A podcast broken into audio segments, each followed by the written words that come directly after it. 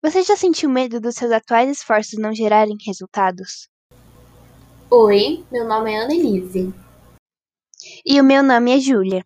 Nós estamos no primeiro ano do ensino médio e já sentimos esse medo. Então decidimos falar sobre isso nesse trabalho do Live. Esse vídeo servirá de apoio para as pessoas que sentem o mesmo que nós. Se pesquisar entre pessoas da nossa idade, pode-se perceber que muitas delas sentem o mesmo, principalmente por essa enorme pressão que sentimos em relação ao vestibular e ao nosso futuro. Muitas vezes deixamos de aproveitar vários momentos, pois estamos ansiosos com as responsabilidades que nos são impostas, como tirar boas notas na escola, um esporte um, ou uma atividade extracurricular no geral. Por isso, perdemos uma grande parte do que seria a nossa adolescência. É importante ter em mente que responsabilidades são extremamente importantes para que possamos ter um futuro.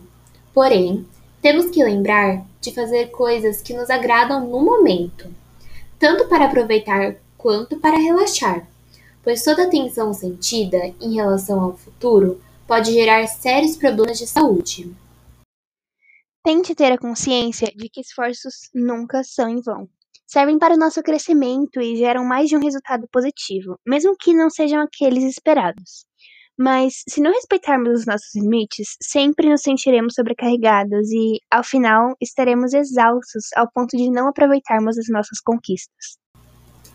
Mesmo em tempos tão difíceis, podemos pensar em várias maneiras de fazer o que gostamos, ou até mesmo procurar outros prazeres, como videochamada com amigos, meditação, assistir alguma série, aprender a cozinhar ler mais livros, observar o pôr do sol, pintar, passar mais tempo com seus pets e com sua família.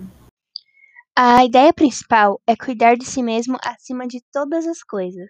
Não se cobre tanto, descansar é o mínimo que você pode fazer para si mesmo e é essencial para continuar saudável. Se você dá o seu melhor todos os dias, saiba que algum resultado isso trará.